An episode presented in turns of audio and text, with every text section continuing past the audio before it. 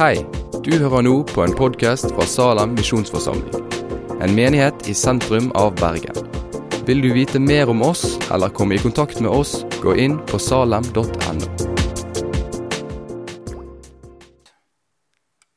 I Bibelen så er det faktisk sånn at nærhet til Gud og frykt for Gud, det henger sammen.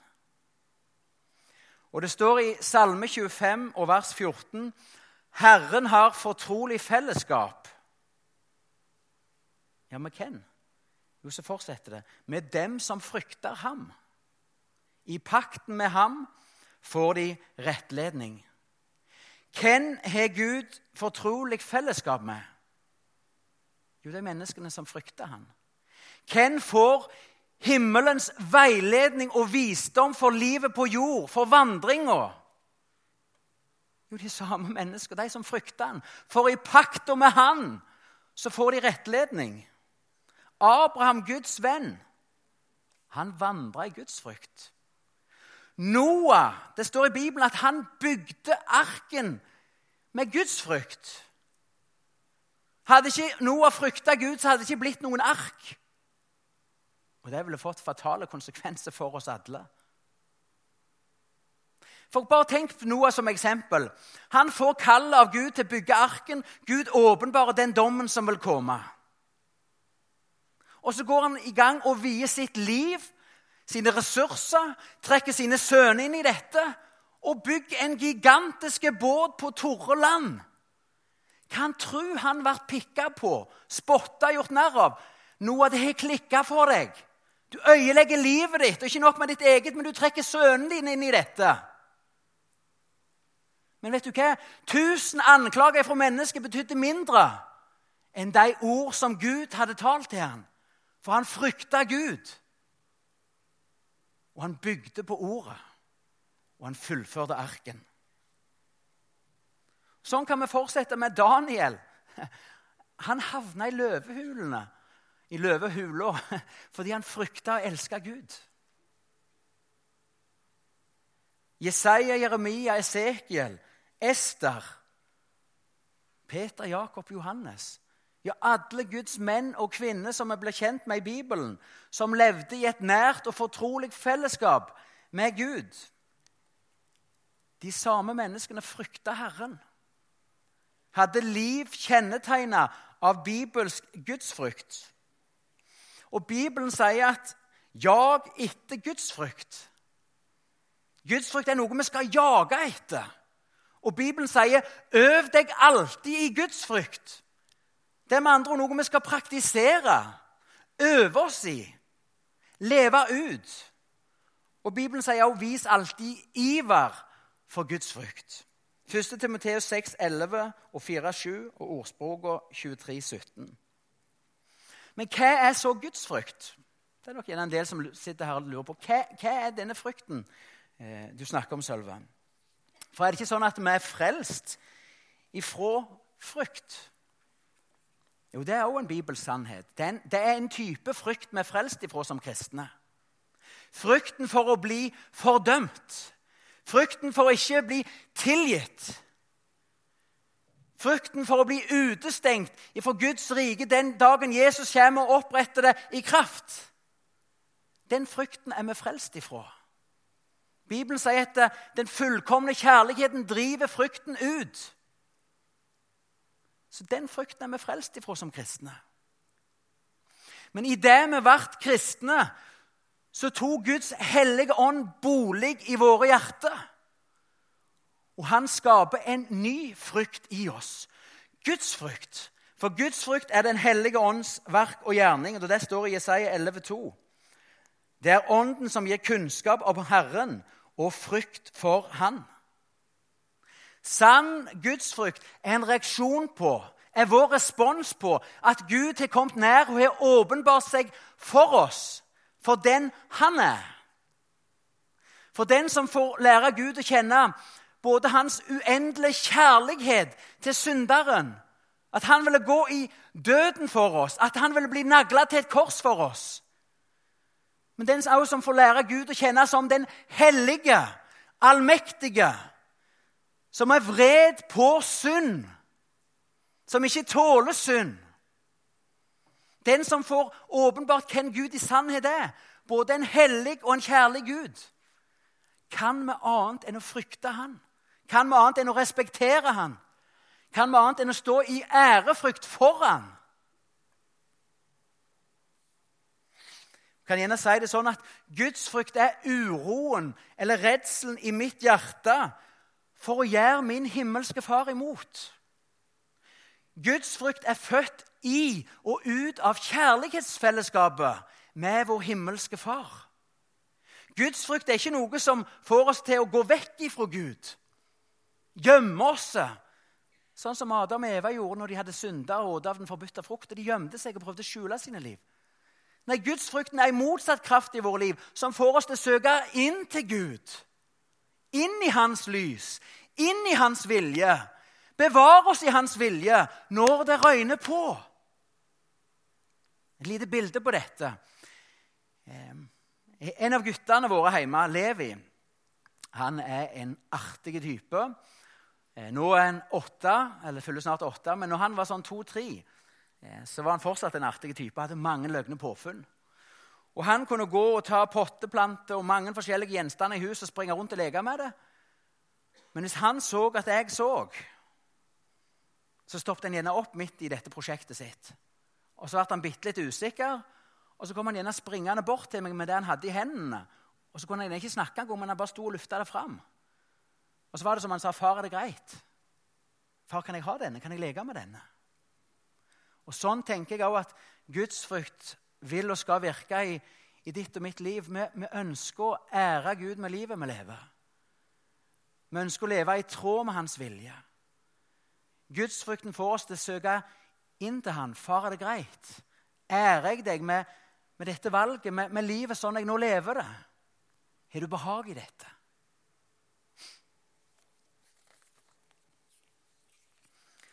Frykt er kanskje for en del her et, et negativt ord. Eh, som en tenker er noe som eh, begrenser livet. Som binder livet, som lammer. Eh, men jeg skal bare gi dere noen eksempler. At frykt er i mange menneskelige situasjoner en naturlig og sunn respons. Bare, når jeg er på Preikestolen Det er sånn stupbratt fjell i Rogaland. De fleste har nok hørt og sett eller kanskje til og med vært der. Når jeg er på toppen der og går ut mot kanten, så har jeg en sånn respekt for den grensa som den kanten er. Og så er det nesten som jeg ikke stoler helt på meg sjøl, for det er litt sånn irrasjonelt. For hvis jeg setter meg ned med føttene ut forbi, så lener jeg meg bakover. Det, det er nesten så jeg ikke stoler helt på på om det er en eller annen sånn suggerende kraft som vil få meg til å tippe over. Jeg har en sånn respekt for, for den grensa som, som, kanten på preikestolen representerer. Jeg vil ikke ta et skritt i feil retning ut forbi. Er det meldt storm, så er det veldig ufornuftig å legge ut på en, på en skitur på høgfjellet. Hvis frykt får deg til å holde deg hjemme, så kan det berge livet ditt. Du legger ikke ut med en liten ro på når det er orkan på havet. Frykt får deg til å snu, og du redder ditt liv. Er du i ferd med å krysse en jernbaneovergang og du ser toget kommer susende i 150, ja, frykt får deg til å rygge tilbake. Du berger livet. Selv i møte med naturen, en okse Hvis du skulle gå på et beite og ser en okse som krøller nakken og begynner å så er det veldig lurt hvis du viser stor respekt og frykt for den oksen. Om du skal springe eller prøve å gå forsiktig, vet jeg, vet jeg ikke. Men du bør vise han respekt. Og sjøl et løvebrøl, hvis du skulle ville deg ut i, i, i villmark og skulle til seg i Afrika hør, Er du på frifot og hører et løvebrøl som kan bære kilometervis, så vil du sikkert kjenne på en sånn frykt. Og vet du hva, Det er veldig sunt. Du er klar over at det går ei løve rundt der. Det er sunt å reagere med frykt. Dette gjør vi i møte med skaperverket. Og da er det fornuftig Hvor mye mer lurt og fornuftig er det ikke å møte skaperen med ærefrykt, med respekt? Skjelver vi for et løvebål? Hva skulle vi gjøre for skaperen sitt ord? Er vi redd for å trø over kanten av et stup? Hva skulle vi gjøre for grensen som hans bud strekker for våre liv? Det begrenser ikke og øyelegger ikke livet, men det bevarer og berger. Jesus snakker sjøl om, om, denne nye frykten, som er skapt av Guds hellige ånd. Det er ånden som gir frykt for Herren. Jesus sier i Lukas 12, vers 4 og 5.: Til dere, mine venner, sier jeg Parentes, så er det ofte der vi stopper i vår tids bibelutleggelse. Vi vil bare høre om vennskapet. Ja, det trenger vi å høre. Men til Jesu venner så er det en fortsettelse. Men til dere, mine venner, sier jeg, vær ikke redd dem som slår kroppen i hæl, men siden ikke kan gjøre mer.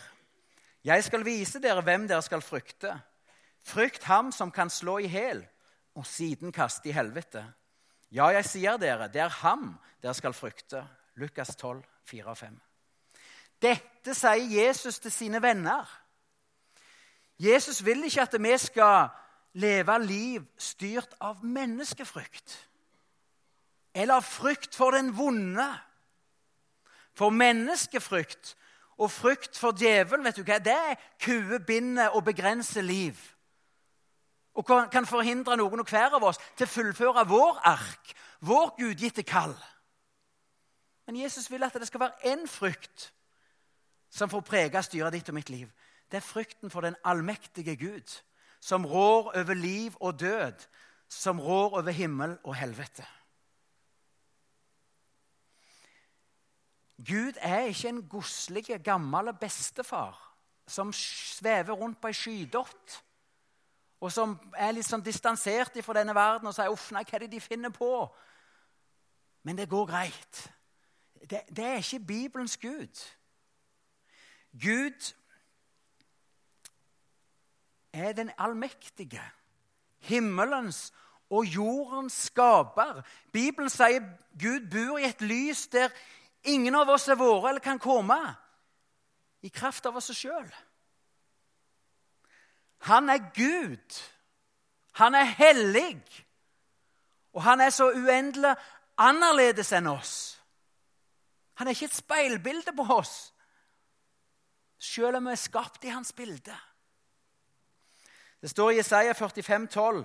Der sier Gud, 'Jeg spente ut himmelen med mine hender'. Vær med litt på det verset. Gud sier at han spente ut himmelen med sine hender. Det er et utrolig sterkt bilde. Nå er ikke jeg en ekspert på universet, men jeg er blitt fortalt og lest at jorda eh, er en av millioner stjerner i Eller en av millioner planeter i vår galakse. Og vår galakse er en av millionervis av galakser i et ufattelig stort univers. Og den stjerna som vi kan se på en stjerneklar kveld, lyset fra den stjerna som ligger lengst vekke, ligger kanskje 1700-1800 lysår vekke. Og lyset beveger seg med en hastighet hvis jeg husker riktig, på 290 000 km i sekundet. Det er, det, det stjerneskimtet du kan se i kveld, som ligger lengst vekke, har vært i bevegelse med en hastighet på 290 000 km i sekundet i 1800 år før det når øyet ditt og mitt i kveld. Og dette er bare i en liten galakse blant millioner av galakser. Og så sier Bibelen at dette spente Gud ut med sine hender. Universet, naturen, den vitner om Guds storhet når vi aner noe om Guds storhet og makt, så følger det iallfall meg med en ærefrykt for Gud. Er det noen jeg ikke ønsker å stå imot og gå imot, så er det han.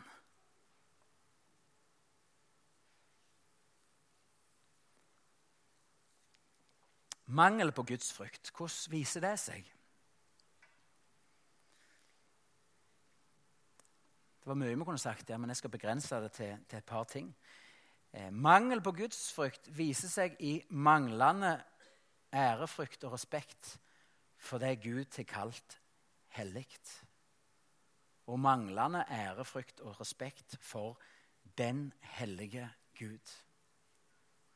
Og Et avgjørende testpunkt hvor vi kan teste våre egne liv, det er hvordan vi behandler Bibelen, Guds hellige ord.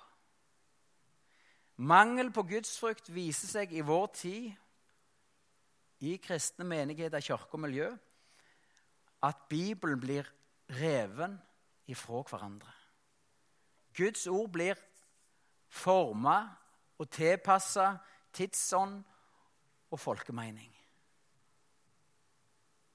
Guds bud og skaperordninger ja, de blir forkasta eller satt til side hvis de oppleves som hemmende eller begrensende eller ikke i tråd med vår forståelse av kjærlighet og frihet og, og menneske. Dette er opprør. Det er ikke nyvinning og utvikling, men det er opprør. Det er opprør imot en hellig Gud. Et opprør som Gud, og vi er en del av det, han vil holde oss ansvarlige for det. Salme 119 vers 4 sier, 'Du har gitt dine påbud for at de skal holdes nøye.' Gud står fortsatt bak sitt ord. Da er vi midt inn i, i det som vi kan kalle for vigselstriden. Situasjonen i Den norske kirke, hvor en setter Guds bud og skaperordning til sides og tar seg friheten til å innføre en ny liturgi og en ny lære som taler Gud midt imot at vi våger. At vi våger. Jesus sier i Lukas 6, 46, 'Hvorfor kaller dere meg for Herre, Herre?' Og så gjør dere ikke det jeg sier. Hvorfor bekjenner dere at jeg er herre? At jeg er herre i deres liv, men så, så går dere imot mitt ord. Så følger dere ikke mitt ord, men dere, dere tilpasser det, setter det til sides. Og så kommer historien som mange av oss kjenner om de to husbyggerne. En hørte Guds ord og innretta livet sitt, bødde seg for Guds ord og bygde et hus på fjell som tålte møtet med stormen, med Guds storm. Det ble stående. Det var et sant disippelskap. Men en annen disippel, han hørte Jesus sine ord. Han kunne vært sprengfull av dem. Men han bødde seg ikke inn noen ord. Han innretta ikke sitt liv på det. Der det passet, så vågte han å gå imot ordet. Og Jesus sier at huset falt sammen i møte med stormen, Guds dom. Og fallet var stort. Hvordan våger vi å gå imot Guds ord? Det er et avgjørende testpunkt for vår gudsfrykt. Det er hvordan vi behandler Guds hellige ord. Hvilken makt det får lov til å ha i våre liv.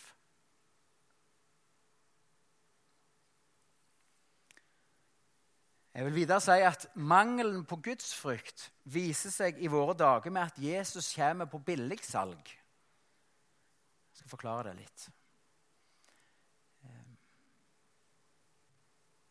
I våre dager så er vi ganske frimodige til å plukke og velge litt sånn sannheter eller vers fra Bibelen. Gjerne løsrevne. Og så har vi en helt vår egen forståelse av dette. Hva dette sier om Jesus, om, om, om kjærlighet eller om hellighet eller frelse eller omvendelse. Eh, og så former vi ut av vår forstand ut av vår oppfatning av hvem Jesus må være eller burde være, så former vi en Jesus-versjon som eh, og Jeg tror ikke det er så bevisst alltid, men som vi tenker ikke vil være anstøtelig eller han vil være akseptabel for folk flest. Jesus for folk flest. Og Det kan ligge gode ønsker om å vinne nye. Eh, det kan ligge mye sånn godt bak, men en lager en veldig sånn begrensa Jesusutgave. Plukker noen sånn gode vers også sånn moderne misjonsforkynnelse, hvis jeg skulle sette det på en formel, det er omtrent sånn som dette. Kom igjen, Jesus er din venn. Begynn å tro, det koster ikke noe. Ta det med ro, Gud er god. Er det denne Jesusen vi blir kjent med når vi leser Bibelen fra parm til parm? Nei, det er ikke det. En slutter å snakke om synd, om nødvendigheten av omvendelse, om Guds kommende dom, om Guds hellighet. Og så blir det et redigert kjærlighetsbudskap som former en ny Jesus. Det er en setning som har levd i meg over flere år. Ikke at jeg daglig går og tenker på, men kommer tilbake. Og det er kraftløst salt som forsøker å vinne verden med sukker.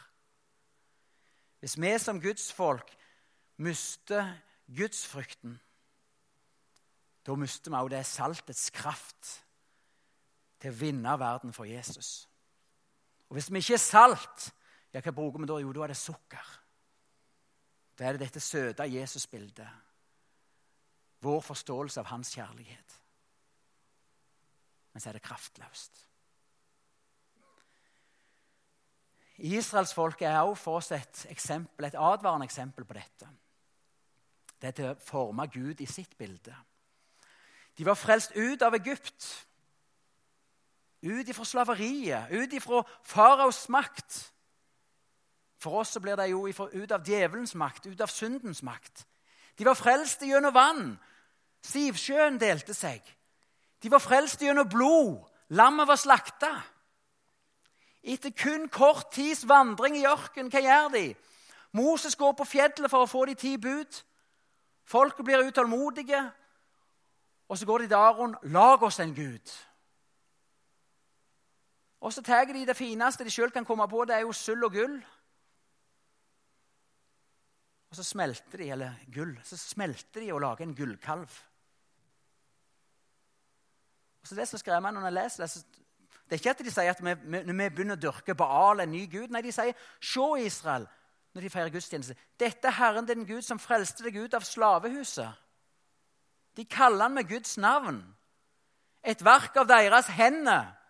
De tok det fineste de hadde, sitt gull, og så skulle de lage en gud. Og vet du hva? Vi kan ta de fineste tankene vi sjøl har om Gud, om kjærlighet, om Jesus. Og Hvis det er vi som former til dette gudsbildet, så er det ikke annet enn menneskeverk. Hvis Jesus bare er kompis og kamerat Hvis det er alt han er, og ikke noe mer i ditt og mitt liv, da må vi våge å spørre oss sjøl er det Bibelens Jesus jeg kjenner og lever med. For han sier Bibelen er kongenes konge. Han er veldig Gud, han er majestet. Han er fredsførste. Han har fått all makt i himmel på jord. Når Jesus åpenbarte sin herlighet for Johannes, han disippelen som han hadde kjær når han åpenbarte sin herlighet som den omstandende på Patmos, les om det i Johannes' åpenbaring, så ble Johannes skjelvende og lå som skjelvende i møte med Guds hellighet og storhet. Jesus er vår beste venn, ja, han er vår bror, men han er også vår Gud. Så uendelig annerledes enn oss, så opphøyd over oss.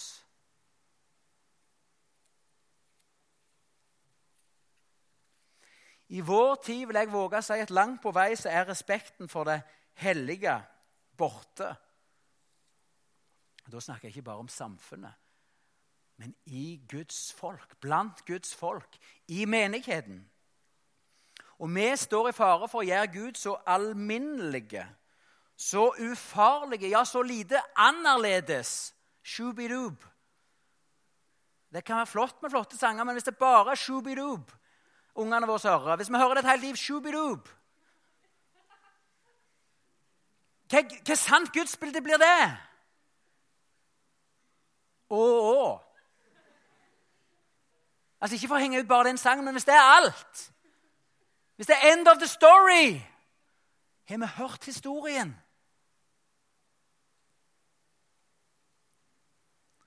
Det er lite da som minner om Bibelens Gud som vi skal elske. men som vi også skal frykte. Jeg elsker Jesus, men jeg frykter han òg. Jeg er redd for å gå han imot. Ikke fordi jeg tenker at Jesus er ute etter å ta meg og ah, en feil! Nei, men jeg vil ikke være på kollisjonskurs med han.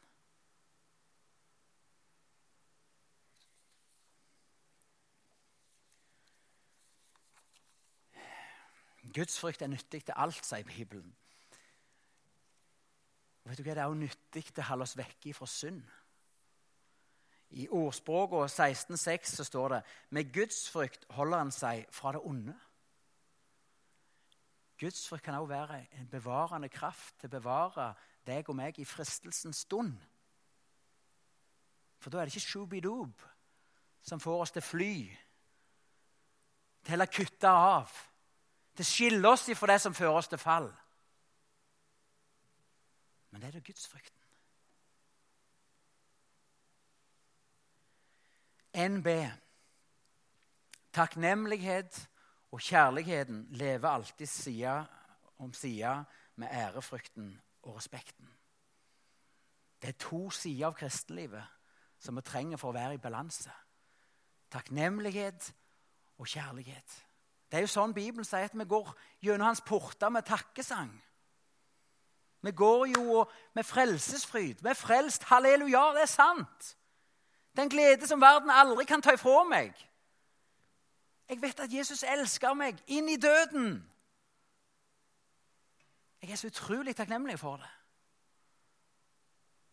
Men så trenger vi også den andre sida. Hans hellighet, hans storhet, vår respons ærefrykt. Gudsfrykt. Og Et vers som har disse to sidene, som begge må være med i et kristenliv, det er bl.a. Hebreerne 12 og vers 28-29. Derfor, siden vi har et urokkelig rike Himmelen står fast. Guds rike kan ingen rokke med. En dag kommer det med kraft.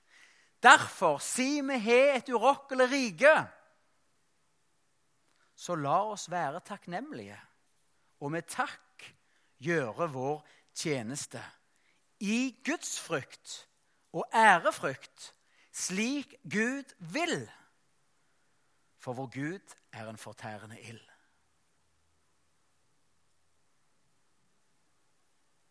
Takk. Takknemlighet.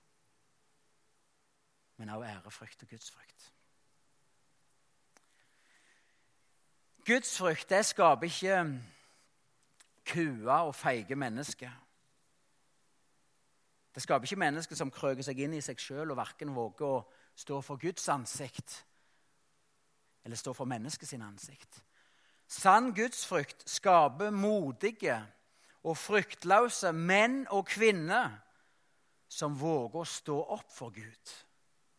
Stå for Gud men også stå for mennesket og tjene Gud. Gudsfrykten reiser oss opp til å leve for Han, stå for Han, gå for Han, lide for Han, ja, om så skulle være, dø for Han.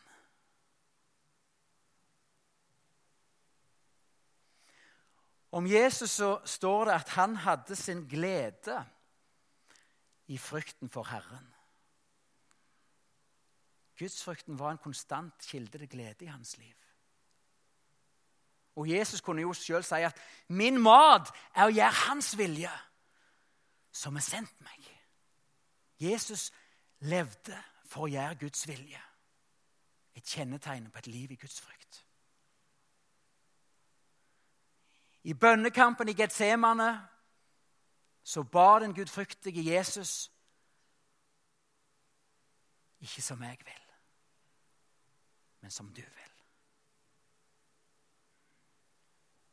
Og for Gud sin vilje og sin vei med deg og meg, så skal vi òg ha vår glede i frykten for Herren. Så skal òg vår mat være å gjøre Hans vilje. Og så er Gud mektige til å bevare oss. Og Guds frykt er en kraft til å bevare oss i prøvelse, til å fullføre. Og det er viktig å si.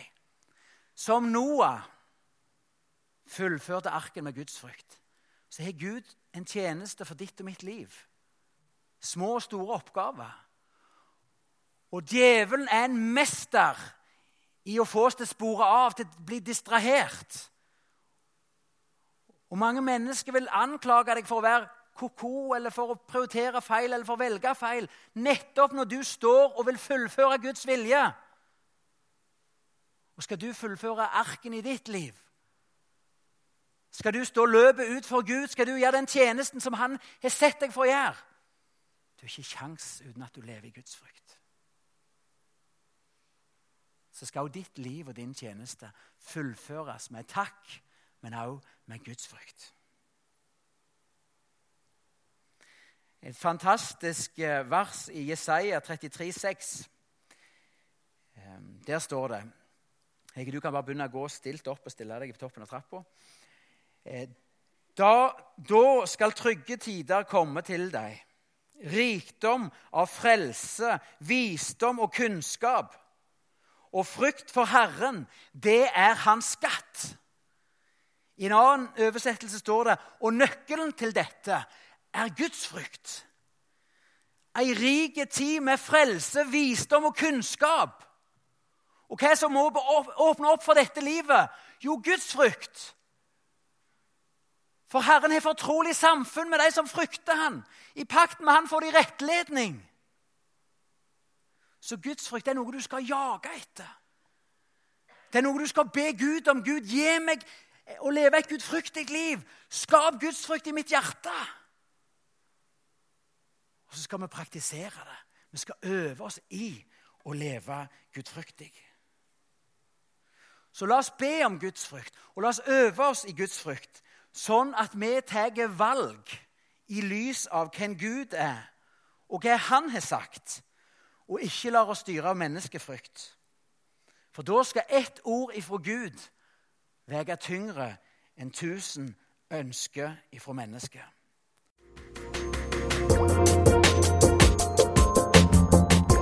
Takk for at du har hørt på podkasten fra Salem, Bergen.